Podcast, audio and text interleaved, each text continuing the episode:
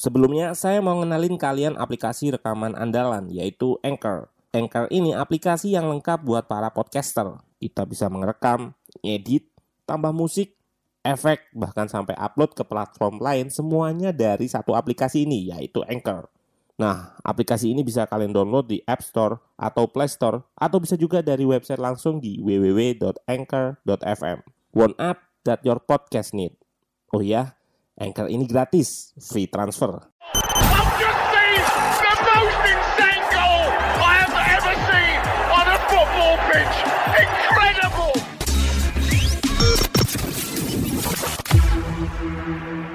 Halo, selamat datang di channel Ruang Taktik. Di video kali ini kita akan analisis leg pertama Piala Menpora antara Persija versus Persib. Pertandingan final ini cukup unik karena gol yang terjadi ada di menit-menit awal. Lalu selama 80 menit tersisa, nggak terjadi gol lagi. Ditambah Persija yang menurunkan dua pemain muda di laga final yang juga jadi aktor pencetak gol cepat tadi. Langsung saja kita akan bahas pertandingan ini dari segi taktikal. Let's go, kita bahas sama-sama. Persib turun dengan formasi 4-4-2 dengan satu striker yaitu Ezra yang kerap turun untuk penghubung lini tengah dan depan.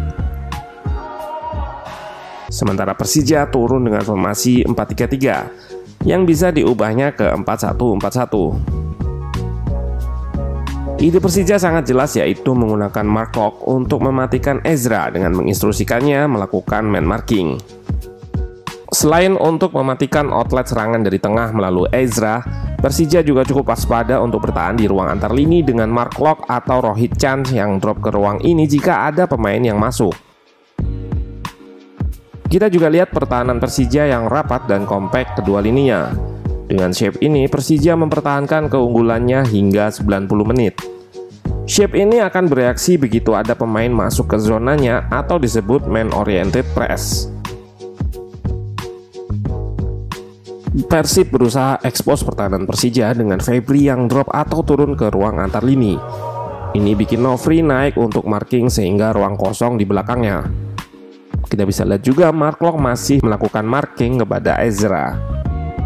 Dari belakang bola diumpan lambung ke ruang tersebut namun back Persija cukup baik dalam antisipasinya. Setelah gol, Persija bermain lebih reaktif dengan set pertahanan yang kokoh lalu melakukan serangan balik. Ini yang membuat penguasaan bola dipegang oleh Persib, namun Persija relatif bisa meredam serangan-serangannya. Nggak seperti Persija, Persib kurang kompak dalam bertahan. Persija bisa bikin situasi menang jumlah di sayap karena pertahanan Persib yang nggak terstruktur. Aplikasi all-in-one dan menjadi andalan para podcaster buat rekam podcast mereka namanya Anchor. Pakai Anchor ini, kalian nggak perlu peralatan ribet kayak studio kalau mau ngerekam. Semuanya bisa dari smartphone kalian menggunakan Anchor. Anchor bisa kalian download di App Store atau Play Store. Mudah banget. Di Anchor, kalian nggak hanya bisa ngerekam audio, tapi juga bisa ngedit langsung di sini. Nggak sampai di situ, Anchor juga dapat mendistribusikan konten kamu ke platform lain. Contohnya Spotify, Apple Music, dan lain-lain. Keren banget, satu aplikasi buat semua kebutuhan.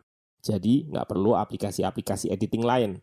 Daripada kalian makin penasaran, mending langsung aja download Anchor sekarang. Oh ya, Anchor ini gratis loh. Hal ini karena penetrasi yang dilakukan Persija sebelumnya.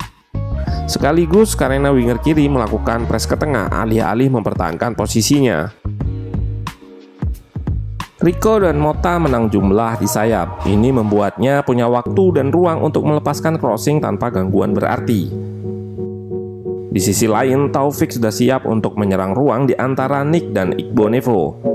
Ditambah Braif yang naik untuk menyerang Iqbal Nevo. Saat di cross, dua center back Persib ini nggak dalam posisi yang menguntungkan atau sudah terekspos. Meski gagal disodor Taufik, bola liar jatuh ke kaki Braif yang datang dari lini kedua tadi.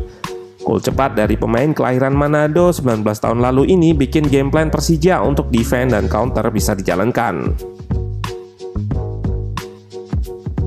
Terbukti di gol kedua lewat skema bertahan lalu menyerang balik. Berawal dari digagalkannya set piece Persib, lalu dimotori Osvaldo, Novri dan juga Rico yang berpindah posisi. Posisi sayap kanan yang sejatinya milik Rico diisi Taufik yang bebas tanpa kawalan. Finishingnya bikin skor berubah menjadi 2-0 hanya berselang 6 menit. Selain pertahanan, Persib juga problem di tengah. Dua gelandang di tengah dalam sistem 4-4-2-nya kerap diekspos lewat Mark Lock yang meminta bola di belakang striker. Hal ini bikin gelandang harus pilih press clock atau Braif lepas seperti di klip ini. Dengan taktik ini Persija bisa lepas dari press sekaligus bisa ekspos pertahanan Persib. Namun di sini kontrol Braif lepas. Dan ini ketika gelandang Persib menjaga Braif yang membuka ruang untuk Mota. Di sini Braif memancing gelandang Persib untuk keluar. Sayang peluang ini gagal dimanfaatkan Osvaldo.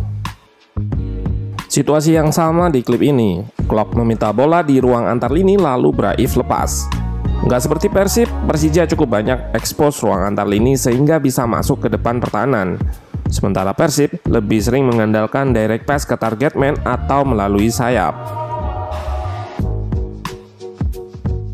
Di klip ini Persija menunjukkan pentingnya ruang antar lini.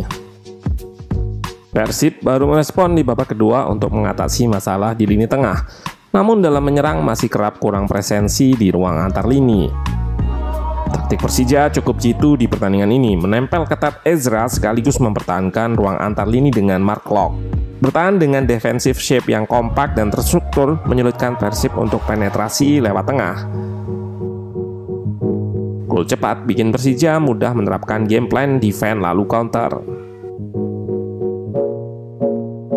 Menarik melihat leg kedua nanti bagaimana respon Persib atas kekalahan ini.